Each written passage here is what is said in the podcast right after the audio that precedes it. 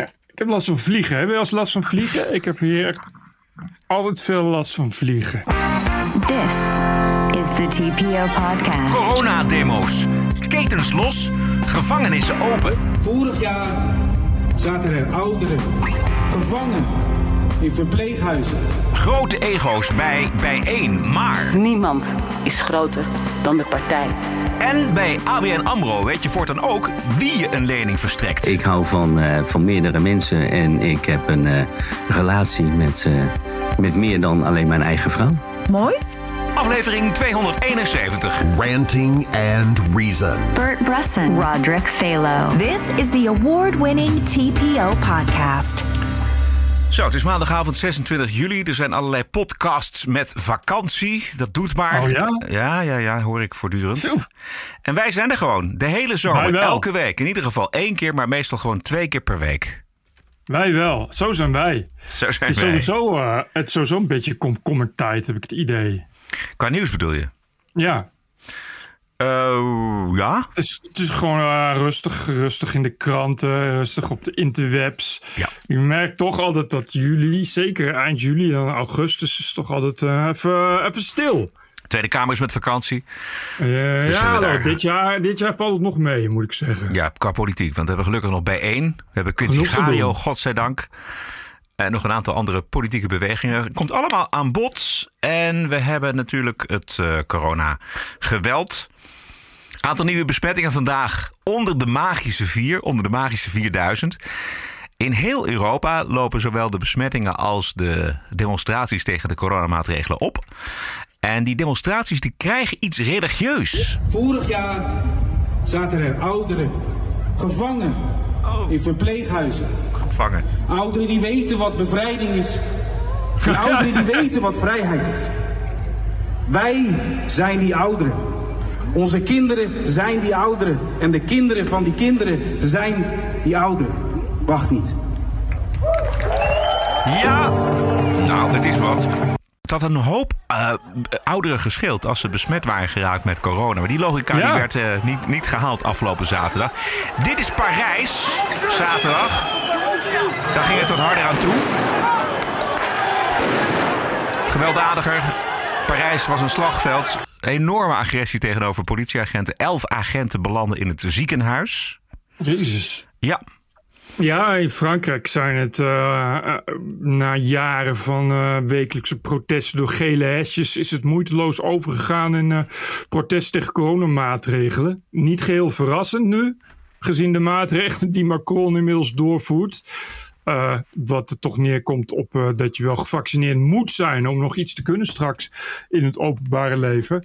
Eh, in Frankrijk valt dat een stuk minder goed, ook omdat Frankrijk van nature al echt notoir antivax is. Eh, en eh, het wantrouwen tegenover de Big Pharma al jaren groot is. ja is dat zo? Dat, dat is Ja, Oké. Frank- Frankrijk heeft een aantal forse schandalen gehad met niet weinig slachtoffers. Van inderdaad mede door minister van Volksgezondheden, ministers van Volksgezondheid aangeprezen vaccins en overige middelen. Ik geloof dat er echt drie keer eh, gevallen waren waaruit achteraf bleek dat het toch niet zo'n goed idee was om dat middel te nemen. Terwijl inmiddels al een paar duizend Fransen dat hadden genomen. Eh een van die ministers bleek later ook hele warme banden te hebben Ah, met, Nee. eh, Big Pharma, wat de, de dinges uitkeerde. Eh, het is wel beter gegaan. Ik las een tijd geleden toch een aardig epistel in een courant over hoe de vaccinatiebereidheid inmiddels wel enorm is toegenomen. Maar ja, Frankrijk is een protestland met Ja. ja.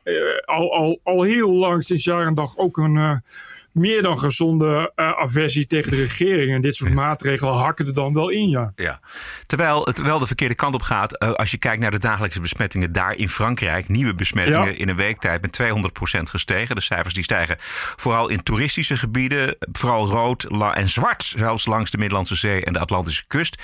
En in en rond Parijs. Precies de gebieden waar heel veel toeristen komen. En dus ook veel Nederlanders op vakantie gaan. Die komen allemaal weer terug, dus die nemen dat allemaal weer mee. Dus ja, wat, er staat ons nog iets te, wachten. Er zijn twee maatregelen in die nieuwe wet teruggedraaid door de Franse Senaat. Ah, Wel of niet onder invloed van de protesten. ja. Eén. En dat zijn? Eén, zorgmedewerkers die zich niet laten vaccineren, die kunnen niet meer ontslagen worden. En twee, bezoekers van winkelcentra hoeven geen gezondheidspas te laten zien om te kunnen winkelen. Vaccinatiebewijzen voor terrassen, die zijn er wel. Nou ja, vooral dat eerste scheelt nogal. Want dat Ja. was natuurlijk een, een, een wel een heel heet hangijzer. En het is eerlijk gezegd ook wel erg dictatoriaal. Omdat je, eh, ja, dat komt toch echt neer op dat je echt geen andere keuze meer hebt. Kijk, je, je kan nog zeggen namelijk, eh, eh, dat is natuurlijk ook wat de regering doet. Van ja, maar goed, je hoeft niet naar het terras. Je kan ook thuis bij je terras gaan zitten. Ja. Maar als je, als je in de zorg werkt, wat natuurlijk ook niet weinig mensen doen. ja, dan heb je dus geen keuze. Dan word je dus ontslagen. Ja, dat, is, dat, dat voelt. Ja, het voelt erg Filipijns, laat ik het zo zeggen. Ja, dus nou, ik begrijp wel dat ze daar dat weer uit hebben gehaald. Precies. En bovendien is in Frankrijk eh, hebben de vakbonden een enorm sterke maatschappelijke positie. Ja. Dus als, als je daar aankomt aan die rechten, nou, dat hebben we ook gezien met de pensioenen natuurlijk. Op het moment dat je daar aankomt, dat je daarnaar wijst alleen al, dan heb, krijg je het aan de stok met de vakbonden. En die zijn zo machtig dat eh, dan, moet, dan moet er wel bakzeil gehaald worden. En dat gebeurt dus ook in Frankrijk. Ehm, ja, die terras is ook vervelend. Ik, weet het- ik heb begrepen dat het alleen om vaccinatiebewijzen gaan. Ik heb zelf in Duitsland dus meegemaakt, heb ik al eerder verteld. Maar dat als je daar op een terras gaat zitten met meerdere mensen, dan moet je ook wel kunnen aantonen dat je eh, een recente negatieve test hebt. Ik weet niet of dat erop lijkt. Ik denk het wel eigenlijk. Maar goed, die, die, die Duitsers die vinden dat dan weer geen probleem. Ja, maar er is natuurlijk een, een, een, natuurlijk een wereld van verschil in, in, eh, in naar winkelcentra mogen of Nee, naar terras tuurlijk. mogen. Want in je, in je winkelcentrum zit natuurlijk ook je supermarkt. Dat is natuurlijk waar, het- waar het om gaat. En eh, eh, als je in Parij- midden in Parijs woont. eh, ja, je, als je het winkelcentrum niet in kan, ja, dan moet je naar een buurtsuper of zo, weet je. Maar die moeten dan wel net zijn. Eh, en dat is natuurlijk Terwijl eh, je voelt hier nog wel eh, eh, nog enige, enige redelijkheid in, ja, in het idee dat, dat, je, dat die regering nog probeert om mensen dat te laten begrijpen. Want ja, dat gaat toch om, om secundaire dingen. Dus niet naar festivals, Ja, ja, precies. niet naar, niet naar, niet naar horeca, niet naar terras. Ehm, tegelijkertijd, ja, ik begrijp inmiddels wel een beetje dat mensen daartegen protesteren. Ja. het begint wel een beetje een ehm, serieus issue te worden. En ik denk dat als het, als het zo wordt doorgezet, dat het protest dan wel, wel eh, veel groter gaat worden. Ja, je, Maar moet, je, je moet als, als regering moet je dus inderdaad dit soort stappen doen. Dus die twee maatregelen die zijn teruggedraaid, dat, dat is gewoon is echt nodig voor de maatschappelijke rust. Die Fransen die, die, die doen ook boodschappen in die van die enorme supermarkten. Weet je, en voor het hele Ja. gezin voor, voor, voor een week of voor, voor twee weken. En als je dat inderdaad wordt ontzegd en je moet naar de buurtsuper. Ja, dan, dan, dan creëer je zoveel maatschappelijke onrust. Het is overigens wel zo dat me- dat, dat de vaccinaties wel goed gaan in Frankrijk. Dit is, dit is wel een, een minderheid, maar wel een luidruchtige en krachtige minderheid. Nee, ja, maar goed, als je een land hebt met heel veel inwoners, dan is je minderheid meteen ook een enorme massa. Ja. Eh, en ik. Tot nu toe waren het alleen eh, echt, echt de wappies, beetje wat je net hoorde. En in Nederland, Nederland volgens mij is er geen, geen land met zo'n hoge vaccinatiegraad. Ik geloof meer dan 90% Of in elk geval bereidwilligheid tot vaccineren als Nederland. Dus, dus wat je dan overhoudt is een kleine groep wappies. Maar ja, in, in Duitsland en in Groot-Brittannië eh, en Frankrijk en Australië, om maar zo'n extreem voorbeeld te noemen, eh, worden die protesten natuurlijk steeds sterker. En dat is niet geheel onbegrijpelijk, want dat, het is wel iets waar je, ehm, nou, waar, je, waar, je, waar, waar het meteen gaat schuren met, met, met bestaande vrijheid eh, en, en met je grondwet. Eh, het testen, testbewijs laten zien is nog is wat anders dan vaccinatieverplichting. Ja, waar natuurlijk de vrees veel groter wordt. En het is, het is wel echt, echt een dingetje waar je niet zomaar voorbij kan gaan. Want eh, verplicht vaccineren, ja, mm, dat is toch wel je, je lichamelijke verder. integriteit Nou. die dan wordt geschonden. Ja, precies. Bovendien, eh, ik denk. ehm, dat je dit soort dingen kun je gewoon niet als regering niet te ver doorvoeren. Want dat werkt alleen maar averechts. Ja, precies. Die, Het- me- die je- mensen gaan niet ineens wel testen en vaccineren als je de druk alleen maar Ja, opvoert. klopt. Even over Duitsland nog. In Duitsland is een van de gezichten tegen al die coronamaatregelen. Want we hebben het nog niet eens gehad over de lockdowns die weer dreigen te worden ingevoerd. Maar een van de grote krachten daarachter tegen het verzet daartegen is zangeres Nena van de hit Ah, ja. 99 Luftballons. En dit is wat ze zei. Gestern war Christopher Street Day und es war völlig okay, dass 80.000 Leute eng aneinander auf der Straße waren. Also schaltet den Strom aus oder holt mich mit der Polizei hier runter. I don't fucking care! I don't fucking care, zegt ze. Hab die Schnauze voll davon! Ja, Ze is echt boos. En eh, ze hadden het over 80.000 mensen die bij elkaar waren op straat. Dat dat geen enkel probleem was. Dit is echt wel uh, verzet in Duitsland. Ja, die is natuurlijk, uh, natuurlijk, natuurlijk, sterker dan, dan waar dan ook. In Duitsland zijn ze nog steeds iets dol op een overheid die probeert uh, uh, burgerlijke vrijheden aan te passen en te manipuleren. En het heeft ook al een, een al langdurig een sterke stroming van, van die queer, hoe zeg je dat? Queerdenkers? Queer. Ja. dus, dus het is een Um, en dat gaat alleen maar oplopen, vrees ik ook. Ja. Zeker in Duitsland. Zij, had het, zij heeft op zich niks tegen vaccineren. Ik geloof niet dat ze zelf gevaccineerd is. Maar ze zegt vooral, je moet dat aan de mensen zelf overlaten. Daar ben ik het wel mee eens. Maar de rol van de overheid. Weet je, de overheid die steeds verder pusht. En die denkt van, Precies. ja, weet je wel. We, we zitten nu met die, ik begrijp de overheid ook wel. We zitten nu met een nieuwe variant, Delta variant. En er komen er misschien nog een aantal heftige varianten. Het moet klaar, een keer klaar zijn. Dus die willen ja, wel. Maar het is, een, het is een heel gevoelig evenwicht tussen hoe ver kun je gaan als overheid. Vind ik wel, op zich is dat wel gezond. Ja, en ik, ik, precies. Dus ik vind niet per se die protesten. Nou, ik ben niet van, van het protesteren op die manier. Maar ik vind het goed, goed dat daar heel veel kritiek op is. En dat daar heel veel druk op blijft. En je, en het kritiek op de demonstraties? Of? Ja, nee, op de, op de overheid. Ja, precies. Ja. Weet je, dat die overheid daar ook wel echt die druk van die publieke opinie blijft voelen. Uh, uh, en dat scheelt, omdat je dus nu in Frankrijk heen, de Senaat, die Senaat doet precies waar die voor is, zou ik maar zeggen. Ja, precies. Uh, daar, de, daar, die, daar de hekele punten uithalen. Lijkt mij heel verstandig. En dat is iets wat je wel moet kunnen verwachten. En uh, nou ja, we hebben natuurlijk wel te maken met een overheid die uh, eigenlijk al, al Oh, nou, ik zit te denken aan, aan, aan Nena. Het is meer dan 30 jaar geleden dat de muur viel. Dus, dus in Duitsland heb je uh, te maken met mensen die, die al 30 jaar in, in volledige vrijheid leven. En, en ineens zich geconfronteerd zien met een overheid die.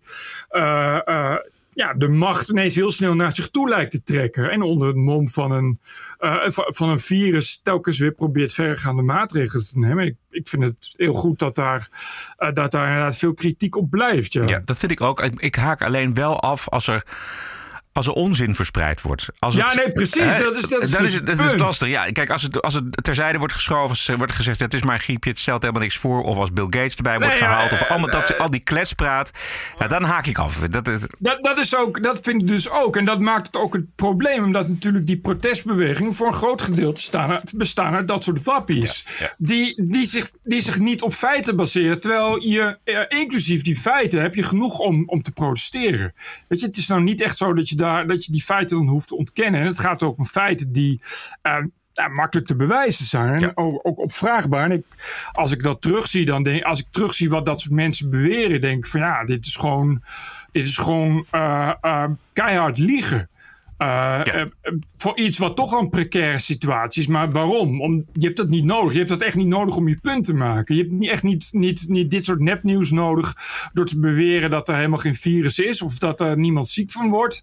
Uh, om je punt te maken. En terecht punt tegen de dat overheid. Je tegen de overheid. Dat ja. je de overheid moet gaan controleren. En, dat, dat is, en dat maakt het inderdaad. Ja, op het moment dat ik mensen ga zie in, in concentratiekampkleding met een, met een, oh. met, met een gele ster en borden, uh, en borden, borden met uh, opnieuw, opnieuw concentratiekampen, dat soort gelul.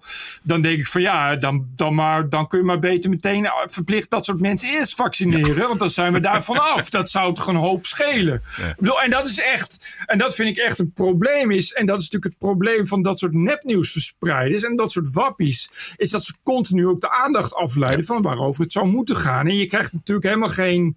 Uh, je, je krijgt er natuurlijk ook helemaal geen, geen uh, handen op elkaar als je met dat soort shit aankomt. Je kan niet verwachten dat, uh, uh, dat, dat Hugo de Jonge samen met Rutte nog maar eens gaat nadenken over, over het versoepelen van maatregelen op het moment dat ze mensen zien die niets anders doen dan verwijzen naar de holocaust. Oh, fuck it, ja. Dus ja, dan, denk je, dan denk je ook van ja, oké, okay, nou, als het zo moet, dan, uh, dan gaan wij ook wel met de hakken in het zand. Zelfs, zelfs, dat, zelfs de regering heeft zo zijn grens, zou ik maar zeggen, ja. aan onzin die je kunt verdragen. Ja.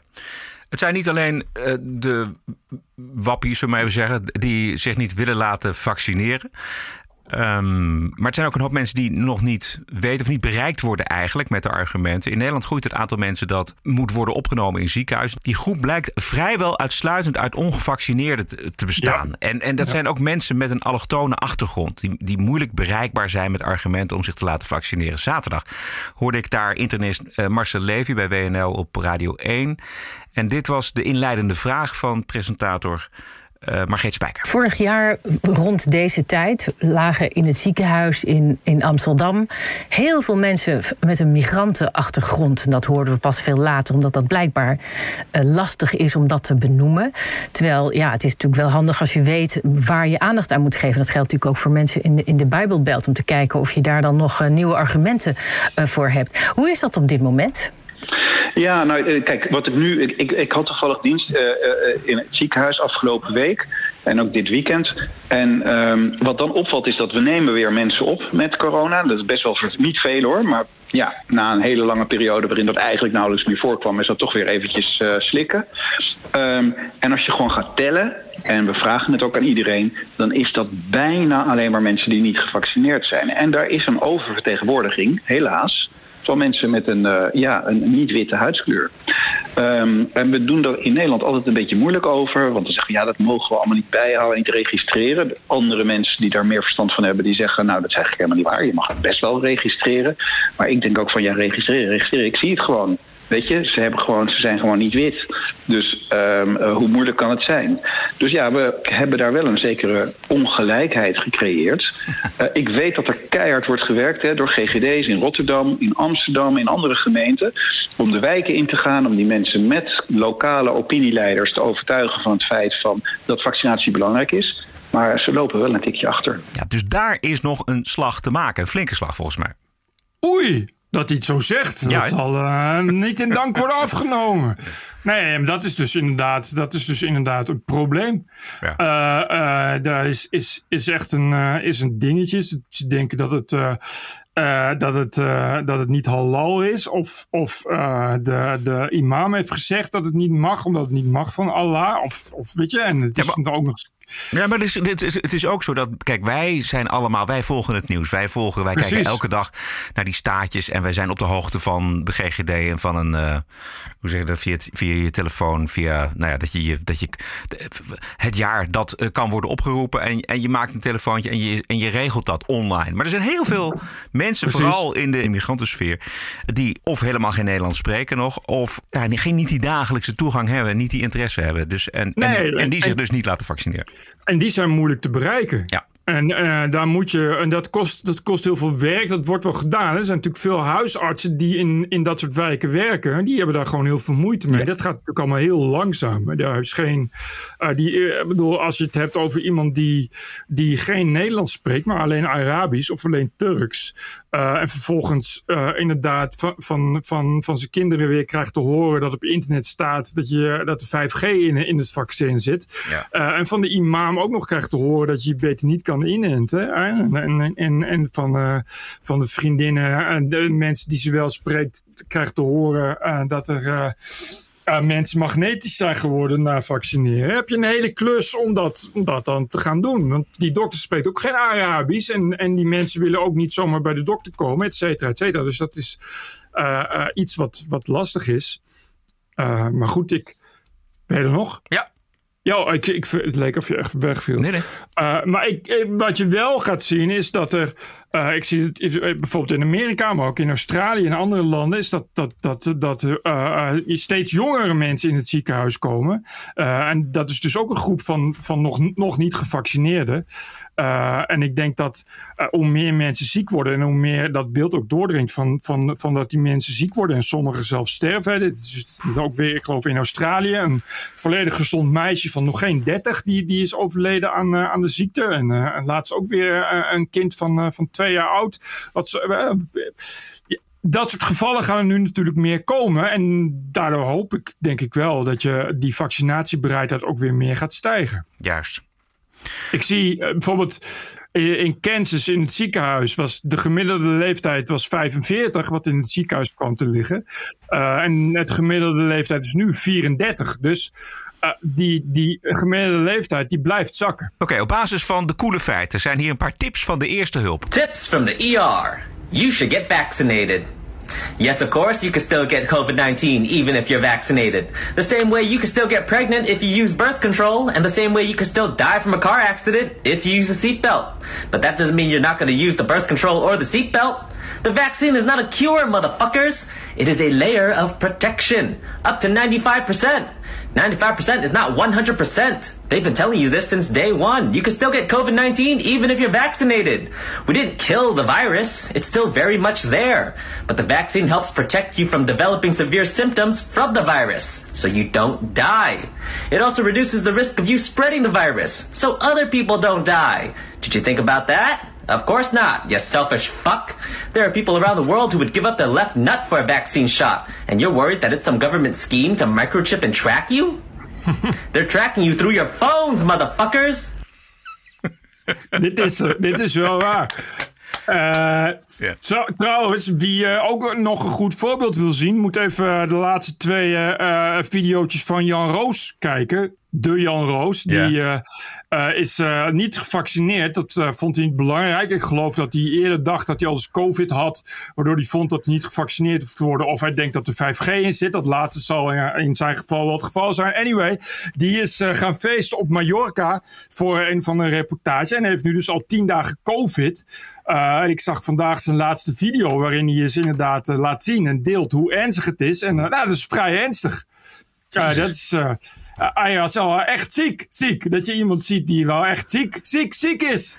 Uh, echt hevig zwetend uh, afgevallen. En hij was al heel dik. En je ziet duidelijk dat hij is afgevallen. En tien dagen tijd. En hij vertelt ook dat hij het inderdaad echt heel zwaar heeft. Ja, weet je, dat gebeurt er dus als je niet laat vaccineren. En heeft, slaat hij zichzelf ook voor het hoofd, voor het hoofd? Ik heb geen idee. Ik, ik heb dat verder niet, uh, niet uitgezocht. Maar ik zag die filmpjes en ik dacht van ja, dit is wel een, uh, dit is wel een dingetje. Dit is inderdaad een goed voorbeeld voor, voor mensen die, die, die, die niet willen vaccineren. Dat is, is dus dit. Dan krijg je dus dit. Je kan dan wel denken, ja, ik ben al ziek geweest.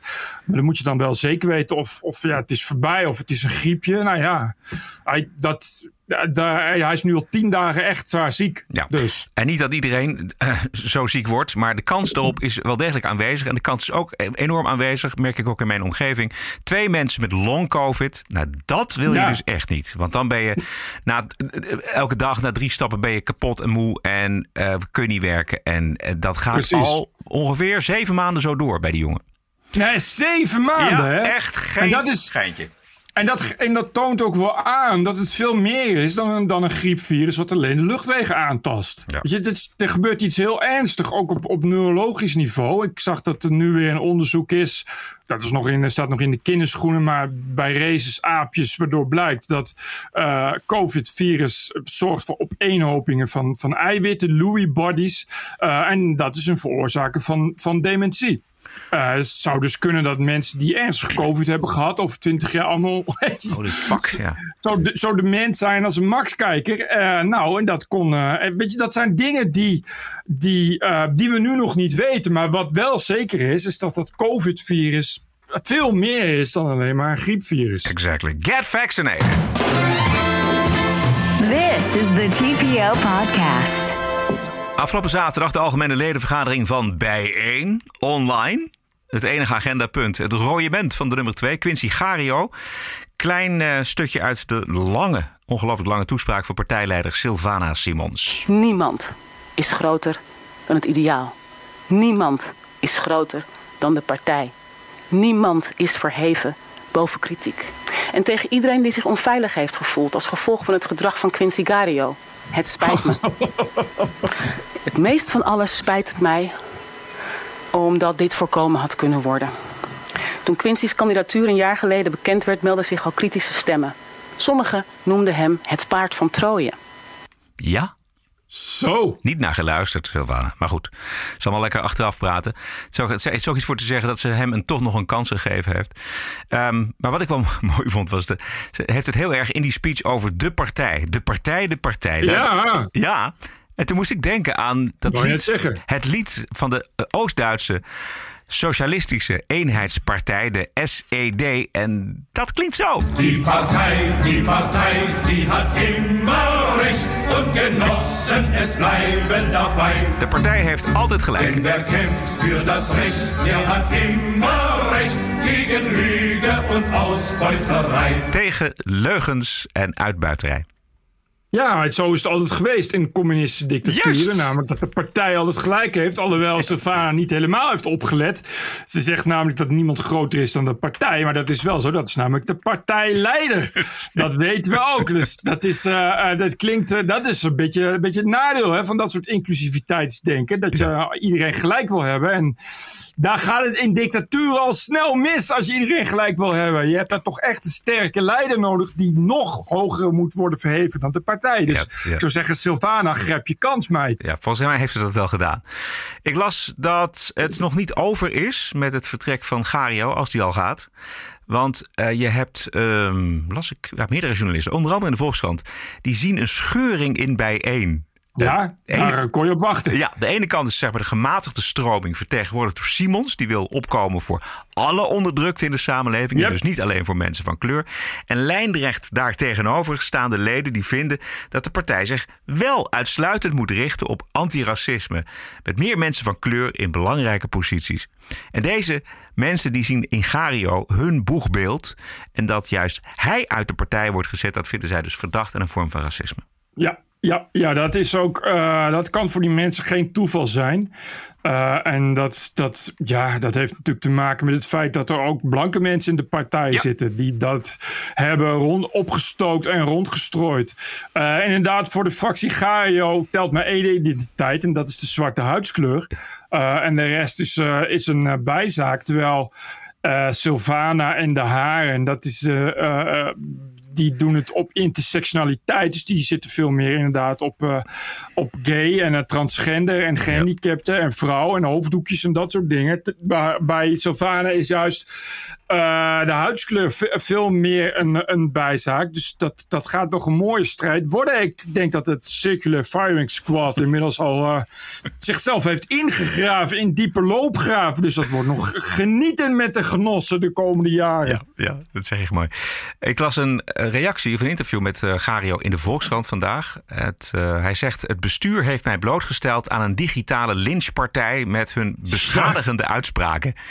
Ik heb al een geschiedenis van mensen die om mijn hoofd vragen. Ik ben eerder bedreigd. Ik krijg nu weer allemaal shit over mij heen. Ik ben nu aan het vechten voor mijn leven. Ik wil ervoor zorgen dat mijn naam gezuiverd wordt. En dan vraagt op een gegeven moment de verslaggever van de Volkskrant: van, uh, door wie bedreigt u dan met de dood? Ja, dat, dat kan ik niet zeggen.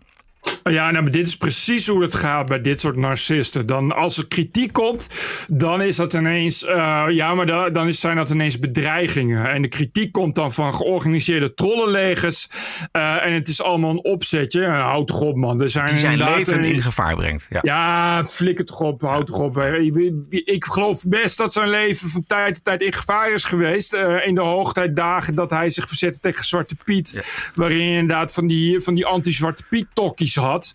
En dat zijn, uh, dat zijn inderdaad types die bereid zijn om, uh, nou, dan kun je Sigario een kogelbrief te sturen en dat soort dingen. Maar dit is natuurlijk allemaal, uh, dit zijn voor, voor de meerderheid mensen uit eigen gelederen die hem op Twitter aanvallen. ja, dan moet je niet op Twitter gaan zitten. Ja, dit is zo'n typisch social media dingetje waarbij er heel veel poep wordt gesmeten, omdat het nou eenmaal in die kringen zo gaat. Uh, iedereen gaat er nu, die tegen hem is, gaat er alles aan doen om te cancelen. Hij heeft zelf ook nooit anders gedaan, dus dat hebben ze van hem geleerd.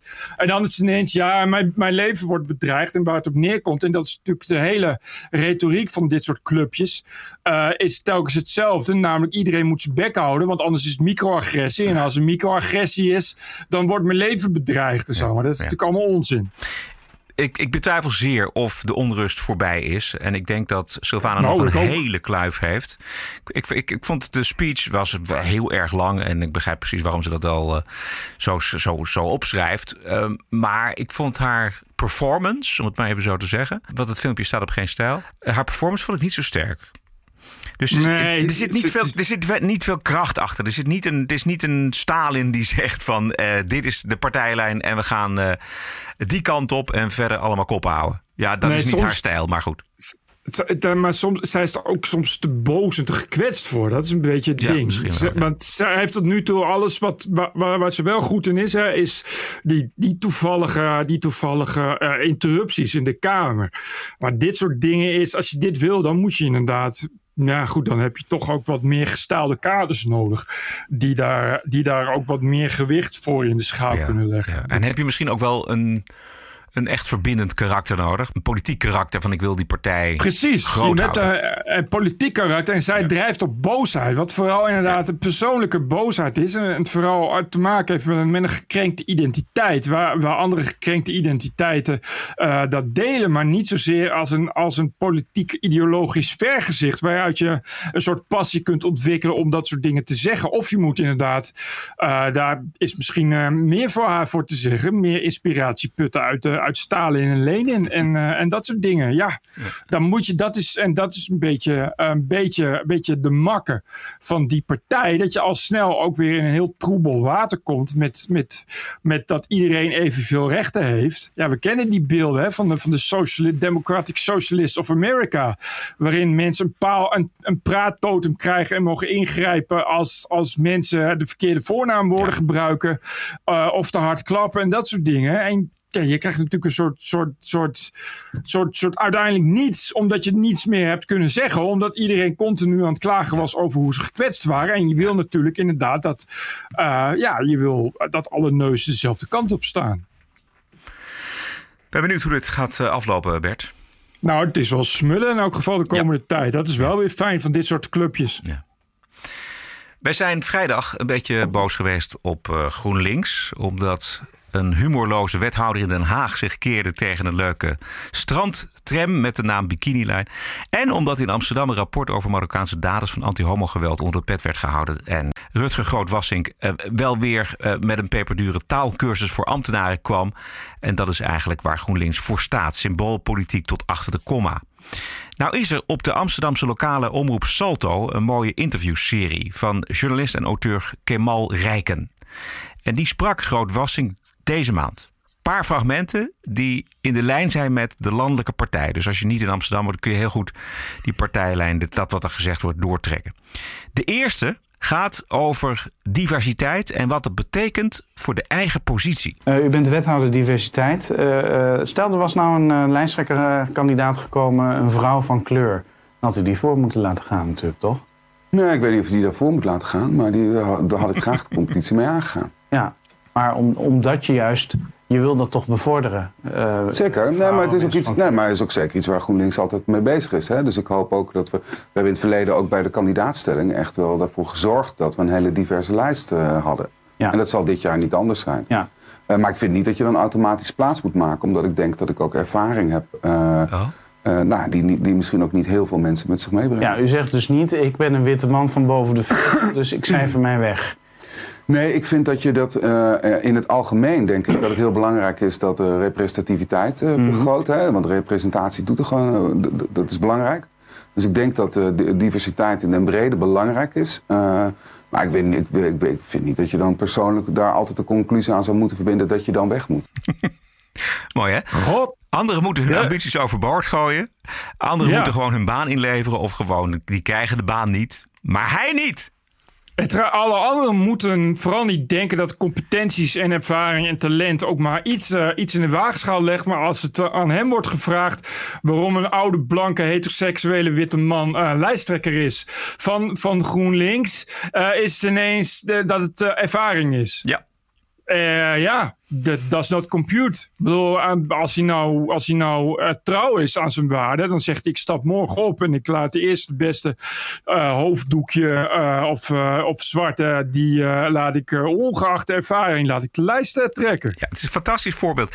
Hij is wethouder van diversiteit. Hij is de leider van GroenLinks. Hij is bij de volgende gemeenteraadsverkiezingen de enige die de partij gaat, gaat trekken. En hij weigert gewoon opzij te stappen. Ook al deed zich iemand voor van kleur dan nog eh, had hij de meeste ervaring. En is hij de man, volgens hemzelf. Ja. Precies waar ze anderen van beschuldigen. Ja, precies. Precies waar, je, waar, precies waar, waar door de Amsterdamse cultuur kapot wordt gemaakt. Ja, maar hij bedenkt Nou, het dus nou- wel voor andere bedrijven en andere instellingen, maar Anderen niet voor moeten hem. het wel. Anderen moeten het wel, behalve bij GroenLinks. Amsterdam. Want daar is, is, nou ja, daar, daar, ja. Nou goed, daar gaat het dus weer. De leider gaat kennelijk boven de partij en boven de partijlijn en boven de ideologie. Zo herkennen we dus toch de, herge- de hergestaalde kaders weer, ook in GroenLinks. Heel verrassend, heel verrassend. Het is een eh, best een kritisch interview. Eh, leuk om te eh, zien, terug te zien. Je vindt het dus op de website van Salto. Dit gaat over het Theater de Meervaart. Dat moest een nieuwe locatie hebben. En uiteindelijk is het gekozen om de meervaart in het water te zetten. Dat is een hele grote plas. Dat is, wat is dat, de Slotenplas? Ja, ik geloof Slotenplas. ja. ja. Ja. En dat is, een, nou ja, dat is een hel geweest gewoon qua onderhandelen en de gemeente en doordrukken van en belangen en toestanden. En daar wordt hij over ondervraagd. Bij de meervaart, daar is toch van alles fout gegaan, meneer? Oh, daar is aanvankelijk is dat niet heel erg goed gelopen. hè? Nee. En daarna eh, zijn er volgens mij, ik weet niet hoeveel participatiebijeenkomsten. Eh, ja, maar goed, eh, er is Oh, nee, uitgekomen. eh, vooraf was eigenlijk het idee al, we gaan een nieuwe meervaart, een nieuw theater bouwen in de Slotenplas. Eh, eh, er is het een en ander gemanipuleerd. Nee, er is Eh, niks gemanipuleerd. Er is niks nee, dat werp ik echt ver van me. Ik vind dit echt een schandalige Zelfs, suggestie. zelfs dat, Ja, zelfs maar- dat ambtenaren... Waar, Dat is uit, stukken, suggestie. uit stukken blijkt dat ambtenaren zeggen... we gaan propagandabijeenkomsten in. Nee, dit is Met een schandalige bewoners. suggestie. Hoezo dan? Nou, laat u mij maar zien waar er dan gemanipuleerd is. Dit is echt een schandalige suggestie. Ja. Accepteer ik ook gewoon niet. Ja, maar vertel waarom. Nee, eh, eh, u stelt dit, dan moet u ook bewijzen. Nu. Maar u stelt dit. Kijk. U zegt, er is door de gemeente gemanipuleerd. Als u dit stelt, moet u dat nu bewijzen. Oké, ik heb dat nu niet bij me. Eh, dus ik kan het nu niet bewijzen. Nee, maar u moet, u moet niet lichtzinnig met uw woorden omgaan. Oké, dat is prima. Maar dan moet Ik heb u, gezegd- nee, mag maar u, nee, mag ik u heb- van mij uitleggen, mag Ik u heb van mij gezegd- uitleggen waarom de gemeente dan niet heeft gemanipuleerd? Nee, u draait het nu om. Degene die stelt, bewijst. En ik accepteer dit echt niet. Ik heb gezegd, er is in de participatie zijn er dingen niet goed gegaan. Eh, er, er zullen best eens dingen gezegd zijn door een ambtenaar. Maar nu hier de stelling dat er gemanipuleerd is, dan moet u dat bewijzen. Oké. En anders zijn we ook klaar nu. Nou zeg. Hij, dreigt gewoon met opstappen. Nou, nou het is, eh, we hadden het net al over, eh, de, over de reflex van de gestaalde kaders. Ik, eh, Kemal Rijken mag blij zijn eh, dat, hij niet, eh, dat hij niet naar de gulag hoeft straks, zal, ik maar, zal ik maar zeggen. Dit is inderdaad een knap staaltje van, eh, goh, je zou bijna zeggen, van, eh, eh, van toxic masculinity. Beetje, beetje white privilege die eh, in het patriarchaat anderen onderdrukt. Terwijl andere stemmen, zoals die van de journalist, gaan hierover duidelijk verloren onder druk van de witte meneer. Ja. Het is, hij gaat in de tegenaanval uit onzekerheid. Hè? Hij dreigt met weglopen omdat een journalist een kritische vraag stelt. Je Ja. kan, als, je, als je zeker bent van je zaak, als wethouder, dan lach je dit toch gewoon weg. Dan zeg je nou, eh, ik vind het allemaal prima wat u zegt, maar eh, eh, kom dan met bewijzen. Als hij die bewijzen niet paraat heeft, dan is er verder niks aan de hand. Nee, er is wel wat aan de hand. Hij maakt zich dus echt boos, woedend over dit soort insinuaties en dreigt met weglopen. Dat is zwak. Terwijl, terwijl kijk, die, die, die interviewer die, die refereert gewoon iets wat in de media staat. Weet je, die Rutger, Rutger Groot-Wassink doet nu alsof Kamal Rijk ineens met iets komt, met een beschuldiging waar, die nog nooit, waar, waar, waar nog nooit iemand van heeft gehoord. Wat niet zo is. Hij zegt gewoon, nou, er, er, is, daar is, is, er wordt, worden beschuldigingen geuit of er was toch sprake van manipulatie. Ja, en nou, hoe weet hij dat nou? Omdat dat dus in de media uitgebreid eh, is, is, is opgeschreven. Omdat er dus inderdaad ambtenaren waren die zeiden... nou, we gaan weer naar een propagandabijeenkomst. Dat weet die Wassink zelf ook Ja. wel. Dat is hem zelf als eerste ter oren gekomen. Vergis je niet, die krijgt elke dag de knipselmap... met wat er wanneer over GroenLinks Amsterdam wordt gesproken en gezegd. En die doet, speelt nu de heilige verontwaardiging... alsof hij voor het aller, allereerste keer in zijn leven hoort... dat iemand eh, de beschuldiging uit van manipulatie. Weet je, zegt dan van... nou ja, ik heb die beschuldiging vaker gehoord... Ja, maar ik heb het herken- gelezen, precies. ik herken mij er niet in. Of zegt dan, ja, maar die beschuldiging is, is nooit hard gemaakt. Juist. En, eh, je, en als je dat wel wil, dan kun je dat nu doen. Anders kan ik er ook niks op zeggen. Of Ja. zeg van, ja, het is flauwekul. Ik kan er niet in meegaan. Ga dan niet dit soort dingen doen. Want dan laat je natuurlijk alleen maar de beschuldiging op je... dat er inderdaad iets is misgegaan. Zo is Waar je, waar je per se, per se eh, wild om je heen wil slaan... om dat te moeten verdedigen. Zo is het precies, eh, Bert. Ja, het is eh, heel zwak. zwak moment. Wel een leuk interview. Oké, we gaan naar de open inrichting. Wat, wat dacht je daarvan? Ja, graag. Offended and I have rights. TPO Podcast. You're an adult. Grow up. Deal with it. I don't care. care. Twee keer per week de berichten uit de open inrichting. Mensen, bedrijven, instanties die zich een slag in de ronde deugen... en die buigen voor de terreur van de identiteitsideologie. Of dat zelf initiëren. Forse tegenvallen voor twee ouders in Utrecht. Zij wilden het geslacht van hun pasgeboren baby uit de geboorteakte houden. Omdat uiterlijke kenmerken niks zeggen, volgens de ouders. En dat kindje, eh, dat wilden ze eh, dus genderautonoom opvoeden. En de ouders die vinden dat het kind zelf later mag kiezen welk geslacht het wil. Maar de rechter die zei, Amahula, uw kind heeft een duidelijk geslacht. En dat komt ook voor op de geboorteakte. En wat u doet met de opvoeding, daar ga ik niet over.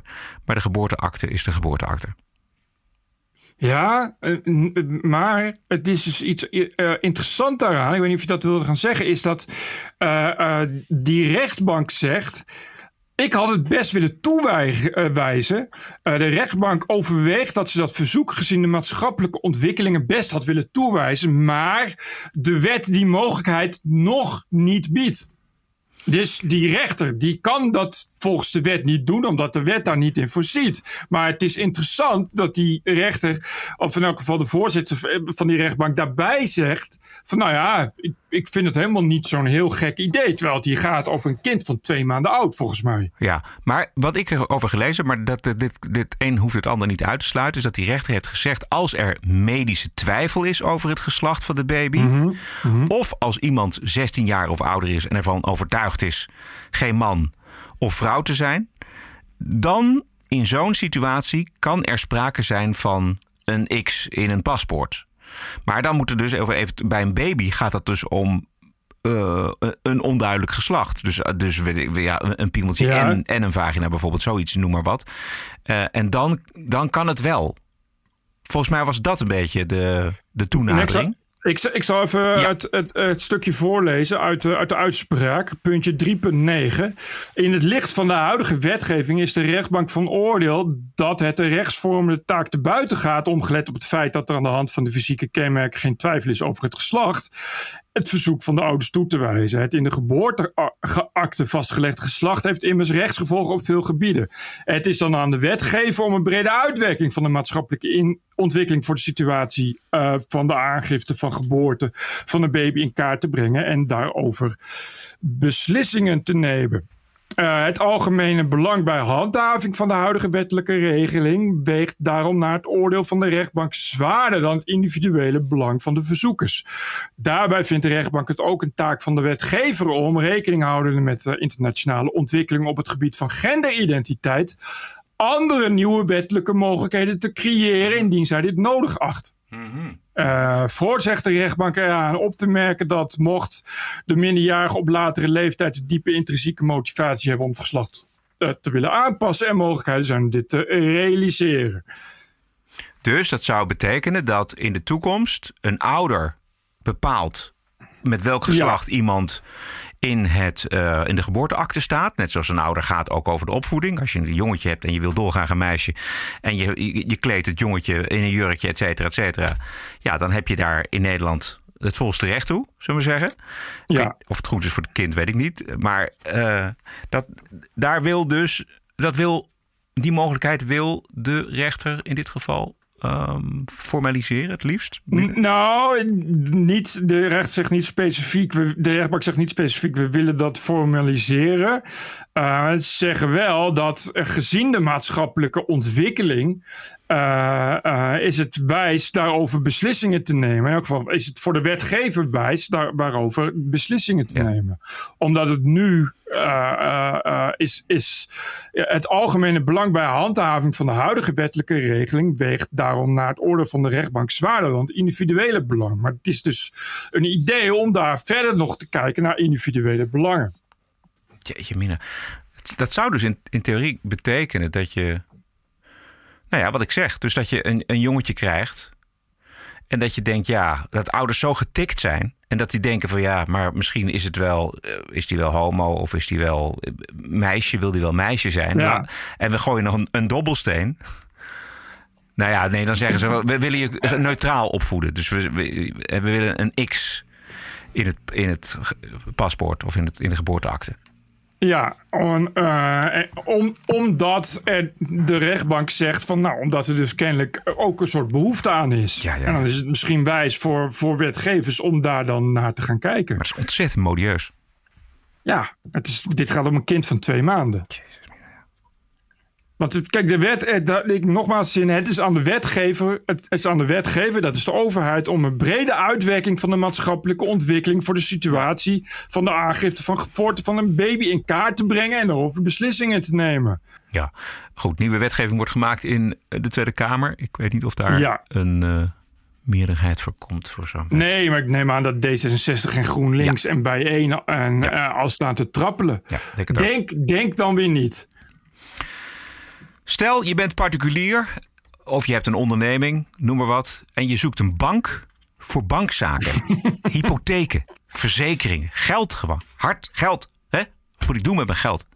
Juist. En opeens is daar de podcast van ABN AMRO. podcast van ABN AMRO... waarin ik in gesprek ga met medewerkers van ABN AMRO... over jezelf kunnen zijn en je veilig kunnen voelen op de werkvloer. Wie zit hier tegenover mij? Hoe zie jij eruit? Ja, ja, ja, ja, ja, ja, ja, ja. Ik ben Surinaams. Ik ben in Suriname geboren. Ik ben 33 jaartjes eh, jong. Ik heb eh, nogal eh, veel tattoos. Ik heb eh, ook eh, oorbelletjes in. Nou, in, in het kader van wat je schetst, zie ik mezelf denk ik meer als een lesbische, eh, zelfstandige en ehm, verzekerde vrouw. Dan als een transgender persoon, wat ik natuurlijk wel ook gewoon ben. Ik, eh, ik hou van, eh, van meerdere mensen en ik heb een eh, relatie met, eh, met meer dan alleen mijn eigen vrouw. Mooi. En hoe zou jij, eh, zeg maar, wat is jouw relatie tot dit onderwerp? Wat, eh, hoe zou je jezelf omschrijven? Ik ben biseksueel en ik ben transgender, dus ik ben een transman. Het is altijd fijn om moedige mensen te ontmoeten. En als je op je werk eh, aanloopt tegen zaken eh, waar je zelf niet goed uitkomt, die hieraan raken, nou, dan is in ieder geval ons advies: zoek een vertrouwenspersoon op je werk of daarbuiten en praat erover. Ja, kijk, er is natuurlijk helemaal niks mis met eh, transgender mensen en eh homoseksuelen. Whatever, whatever, hetero's, mensen die polygaam zijn. Eh, Polyamoreus. po- polyamoreus. We don't give nothing about that. Prima, allemaal uitstekend. Maar waarom moet een commerciële bank zich op deze manier profileren? Ook met, met YouTube-filmpjes en zo. Hè? Het Ja. is echt bedoeld als een, eh, als een, als een brede eh publieks eh, eh, commerciële campagne en een reclamecampagne. En ik begrijp werkelijk niet wat dit soort identiteitsgelul met bankieren te maken Nee, heeft. precies, daar gaat het. De aanleiding is de, de Pride Week, week. De Pride Week. Ah, Ja, dat is de aanleiding. Maar goed, dat is, dat, dat, daar kun je alles aan ophangen. Eh, die is deze week. En, eh, maar dit is dus inderdaad gewoon een bank. Ik, ik, je, ik kan me niet voorstellen dat, dat iemand nu denkt... oh, ik ga bij, ABN AMRO bankieren. Want daar is Suriname met tattoos en oorbellen heel erg welkom. Om te werken ook. Het gaat ook echt over personeel. Of zijn het mensen die, eh, die niet bij die bank werken... maar wel een, een, een, een ABN AMRO-rekening Nee, hebben? nee, nee. Het het gaat over mensen die bij die bank werken. En als je Ja, dan. ja. Dus eh, ik kan me zo'n sportje goed voorstellen, bijvoorbeeld van het arbeidsbureau. Precies, Of dat van- bedoel ik. Of van een, een, een, een emancipatie-organisatie, vereniging. Of, of, of werving en selectie van. ABN AMRO. Dat je zegt, ik heb nieuwe bankiers nodig en nieuwe medewerkers. Maar het is echt duidelijk een publiekscampagne. Van Ja. kom bij ons bankieren. Want wij zijn zo woke. Ja. Dit is wel heel woke. Dit is eh, echt... als, je, als je graag Ben Jerry's ijs eet, dan eh, ben je welkom bij ABN AMRO. Dan krijg je gratis geld op je rekening. Zo'n beetje. Zo woke is het. Maar ik kan me toch... Ik snap gewoon helemaal... Ik heb de hele dag... Ik zag vanmorgen al een hele dag suf gepiekerd. Wat dit in godsnaam echt... Wat heeft het met bankieren te maken? ja, en wat gaat het de, de klanten aan? Het gaat de Ja, klanten helemaal niks aan. Weet je, wat, wat jij in je privéleven doet en of je wat, of je. Dat maakt niet uit of je homo of hetero bent of wat dan ook. Dat is jouw zaak. Maar daar hebben de klanten En- van ABN Ambro toch geen fuck mee te maken. En als ik anti ben, dan moet ik dan eh, mijn mijn rekening opheffen. Of, of wat, is, wat is de bedoeling? Ja, wat willen ze? Ik snap de boodschap gewoon niet. Is leuk. Ik, ik ga, je gaat niet. eh, ik, ik zit niet bij de ABN Amro. Ik ben zo iemand die bij een bank gaat waar, waar, waar ik al mijn hele leven zit. En, en zo niet, dan eh welke als eerste boven komt in Google. Eh, maar ik, je gaat toch niet dat je denkt van, oh, ik zoek, een, ik zoek een bank. Welke bank zal ik eens nemen? Oh, de ABN Amro. Want die hebben zulke leuke polyamoreuze transgenders in dienst. Nou, sterker nog, je, je- je kunt ook denken van welke bank ga ik nemen? Oh, ik zal eens kijken bij ABN AMRO wat voor mensen zij daar in dienst hebben. Dat- ja, maar dat is toch niemand die dat denkt? Nee, natuurlijk niet. Maar En als, je nou, en als je een hypotheek wil, ja, volgens mij, ik weet niet hoe anderen dat zijn, maar de keer dat ik een hypotheek had, had ik twee vragen. Eén, krijg ik bij deze bank een hypotheek? En twee, is, is, het, is de, bij deze bank de rente lager dan bij de andere bank? Ik vind het heel leuk dat, dat de hypotheekadviseur van de ABN AMRO eh, een Poly- lesbische, polyamoreuze, lesbische, zelfverzekerde, dappere vrouw is. Maar als ik dan ook nog wel ineens 6, euro- 6% extra hypotheekrente per maand betaal, ga ik niet bij de ABN AMRO mijn hypotheek afsluiten. Dat kan ik je wel vertellen. En ik denk dat er niet zo heel veel mensen zijn die dat doen. Wonderlijk. Goh, waar is de tijd gebleven dat je nog gewoon kon, kon fitten op bankiers? Dat bankiers toch gewoon psychopaten waren? Dat ze helemaal omgeturnd. Zo bankiers zijn tegenwoordig hele lieve polyamoreuze mensen. Die eh, gek zijn op tattoos en oorbelletjes en Surinamers of zoiets. Wat leuk, ABN AMRO. Erg leuk. We zullen dat van eh, die... eh, die, eh, die probleempjes, zullen we maar zeggen, uit het verleden, zullen we direct vergeten. Precies. Wat zou Rijkman Groening hiervan Nou, vinden? Misschien inderdaad. is Rijkman Groening ook wel eens transgender geworden, omdat hij dit heeft gehoord. Dit, we moeten dit allemaal zien in het kader van de onuitputtelijke behoefte van het bedrijfsleven om maatschappelijk te deugen. Dagblad Trouw had vrijdag een geweldig originele kijk op eh, de Olympische Spelen. Het was eh, even wachten wie de eerste zou zijn, maar Trouw was de eerste. De Nederlandse Olympische ploeg is te wit. Huidskleuren Ja. tellen is de nieuwe journalistiek. En ja. ik las dat er 292 Nederlandse sporters meedoen. En dat nog geen 20% niet-westers eh, migratieachtergrond heeft. En volgens het CBS heeft het, heeft het trouw allemaal uitgezocht. Volgens het CBS had Nederland op 1 juni 14% niet-westerse migratieachtergrondiërs. En vertaald naar de Olympische Spelen zouden dat dus 41 sporters moeten zijn. En het zijn er maar 20. Ja, misschien moet trouwens wat anders gaan doen dan de hele tijd blanken tellen. Want dit is echt al de honderdste keer dat trouw blank aan het tellen is. En het begint een beetje treurig te worden. Ontzettend treurig. Het, eh, je, je, het is geen journalistiek of zo. Weet je, het is echt, echt enorm triest om, om eh, bij, bij iets wat, wat, wat iedereen leuk vindt omdat het sportzomer is. eh, en, en- en als Olympische Spelen. Om dan, om dan huidskleuren te gaan tellen. Dan ben je echt een domme lul als je dat moet doen. Ik, sorry, ik snap niet. Dat lijkt me echt. Ik kan me niet voorstellen dat iemand bij trouw dat met plezier doet. Dan moet je jezelf toch haten. Dat je de Olympische Spelen gaat kijken en dan een Nederlandse equipe zo erbij pakt. En dan, en dan de namen eh, langs gaat en erbij alle verdachte namen, fotootje moet gaan opzoeken. Oh, inderdaad. Hey, we, weten hoe, we, we weten hoe het gaat. Het gaat om iedere groep, iedere vereniging, ieder bedrijf, iedere, iedere overheid. Alles wordt gewoon geteld eh, welke huidkleuren er zijn.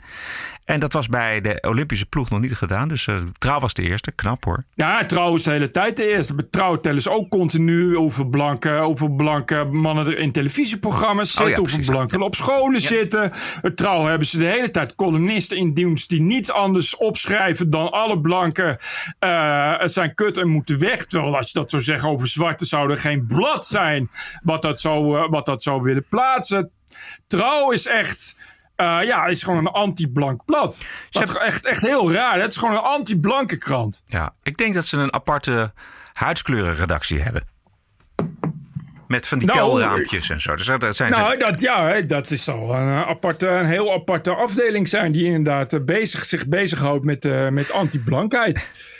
Als je dat doet, eh, bijvoorbeeld, ik noem, maar, ik noem maar zomaar een voorbeeldje. Bijvoorbeeld eh, het bestuur van GroenLinks of eh, de lijsttrekkerschap van GroenLinks in Amsterdam. begrijp ik, dan begrijp ik dat je gaat zeggen: ho, ho, jullie hebben wel de hele tijd een grote bek, maar laten we eens even kijken hoe jullie dat in de praktijk vanaf brengen. Maar, maar de Olympische Spelen, dat zijn sporters. Wat is het nou? Sporters, ja, dat, dat, ik bedoel, die moeten dan eh, medailles halen of niet. Dat maakt toch geen zak uit wat, wat, wat, wat die dan voor huidskleur hebben? Nee. Ik kreeg er eentje opgestuurd van een vaste luisteraar eh, uit de financiële sector. En de, het gaat over de Amerikaanse zangeres Halsey. Die geeft geen interviews meer na een rampzalig interview met het tijdschrift Allure. En Halsey die heeft namelijk een zwarte vader en een Europese moeder. En ze is Ja. openlijk biseksueel. Allemaal prima natuurlijk, maar het probleem is het volgende. In maart heeft Halsey bekendgemaakt dat zij het liefst aangesproken wil worden met hen.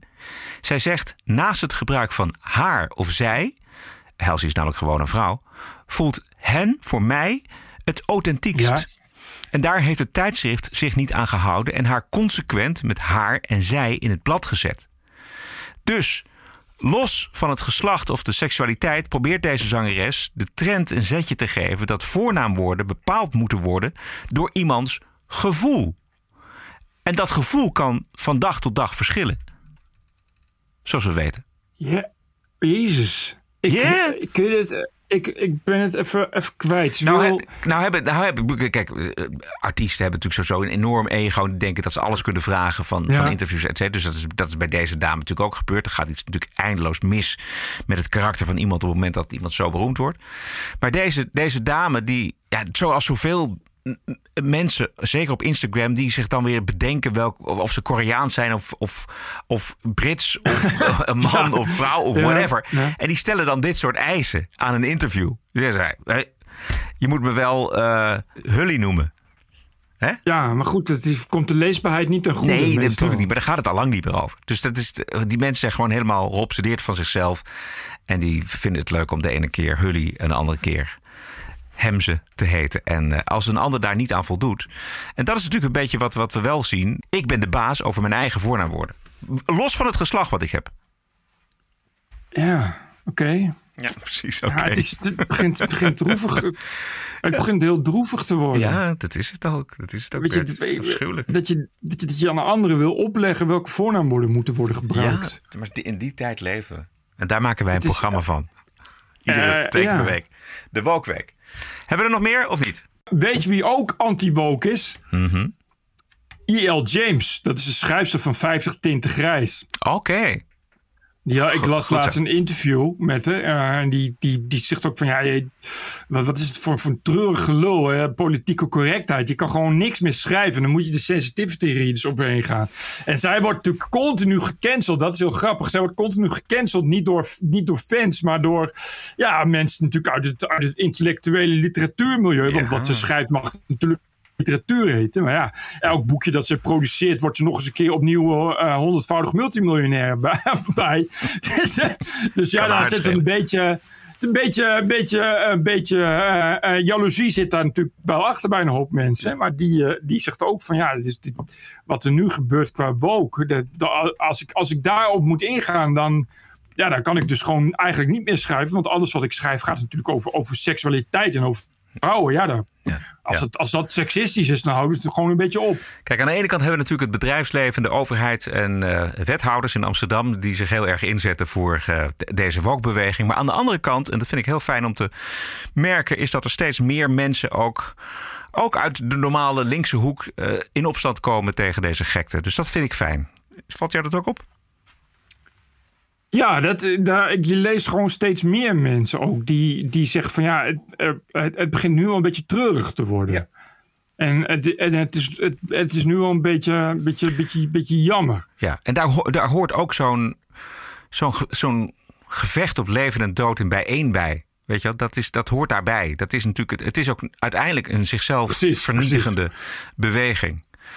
En dan hebben we ook nog dat verzet tegen de CRT, de Critical Race Theory in Amerika, wat ook eh, flink, eh, flink gaat. Het is, het is echt een, een culture clash. Eh, maar ik geloof niet dat de, de wokies het gaan, gaan redden. Maar goed, dat, we zijn nog lang niet tot het, eh, in de Nou, finale laten we het beland. hopen. Laten we het hopen. ja. Oké, dit was hem. What a woke week it was. This is the TPO podcast. TPO Podcast. Wij leven niet van subsidie. Wij leven niet van commercials. Wij leven van de donaties. Van jou.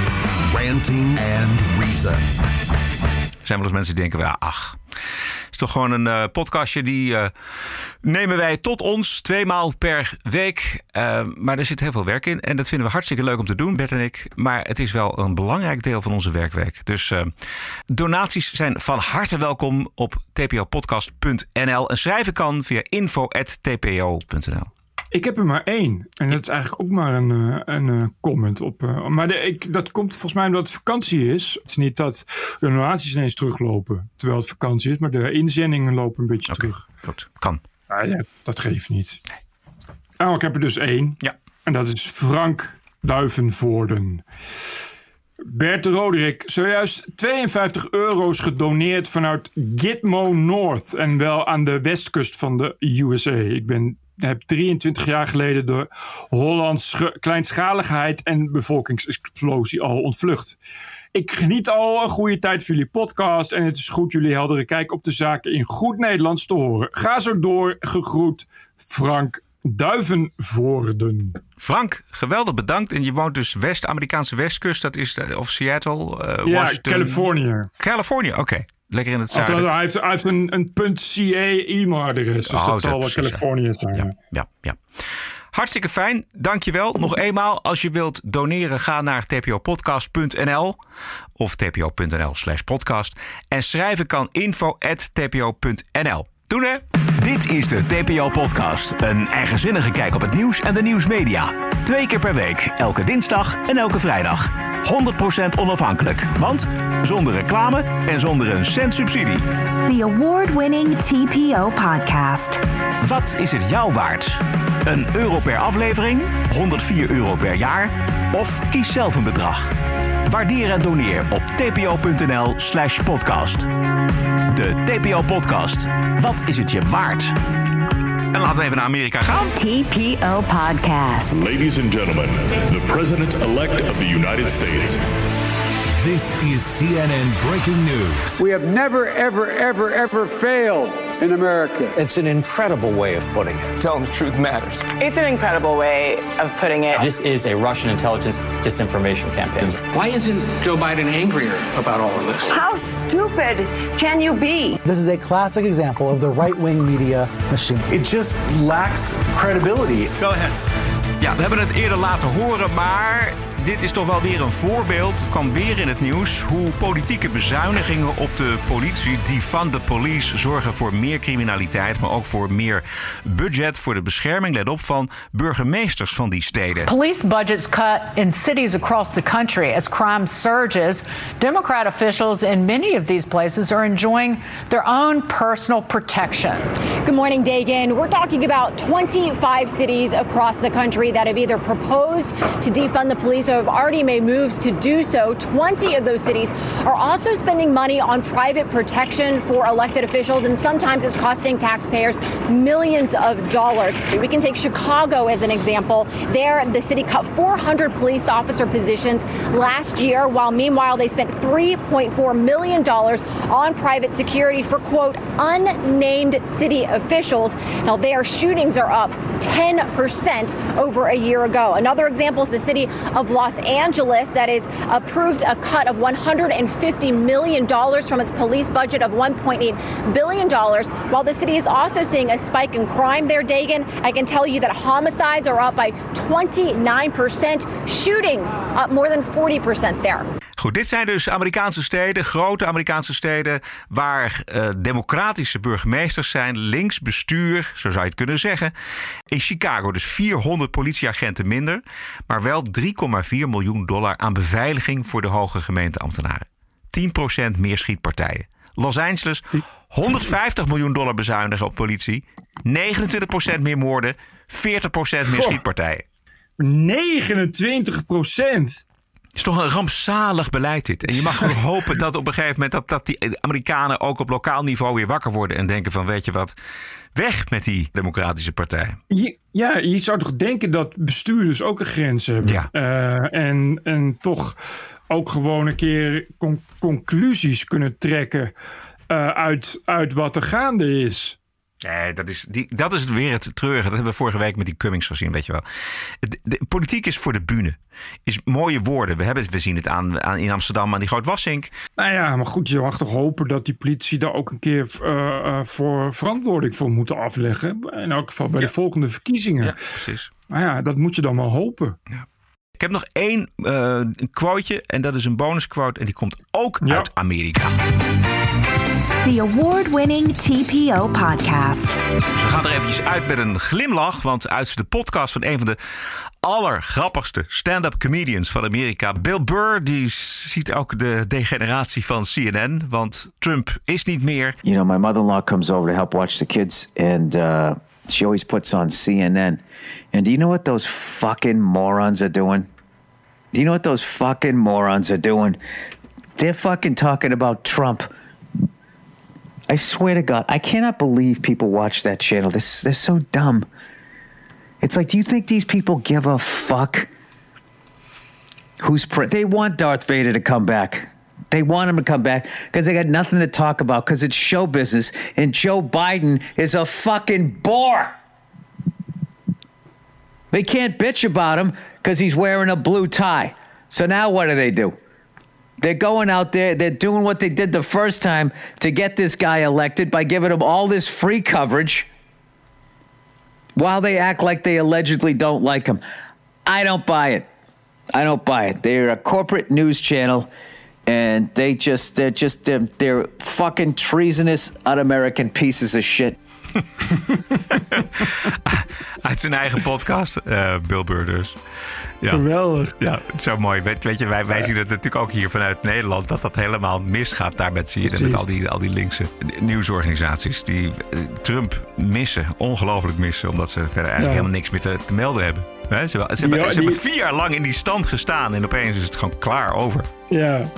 En ze zitten ook gewoon op hun knietjes te bidden dat, eh, dat Trump toch weer wordt herkozen over vier jaar. Er eindelijk weer kijkers terug. De TPO-podcast is te vinden op onder meer Spotify, Apple Podcast, iTunes en natuurlijk tpopodcast.nl. Heel veel dank voor de ondersteuning van deze aflevering 271. Post kan naar info.tpo.nl en waarderen kan op eh, tpopodcast.nl. We zijn terug vrijdag aanstaande 30 juli. Stay cool en... Tot vrijdag! TPO Podcast. Bert Bruson, Roderick Balo, Ranting and Reason. Die Partei, die Partei, die hat immer recht. Podcasting is the TPO podcast in the Netherlands. Bert and Roderick. What a show. I'm telling you. Keep the show running. Go to tpo.nl slash podcast. Thank you.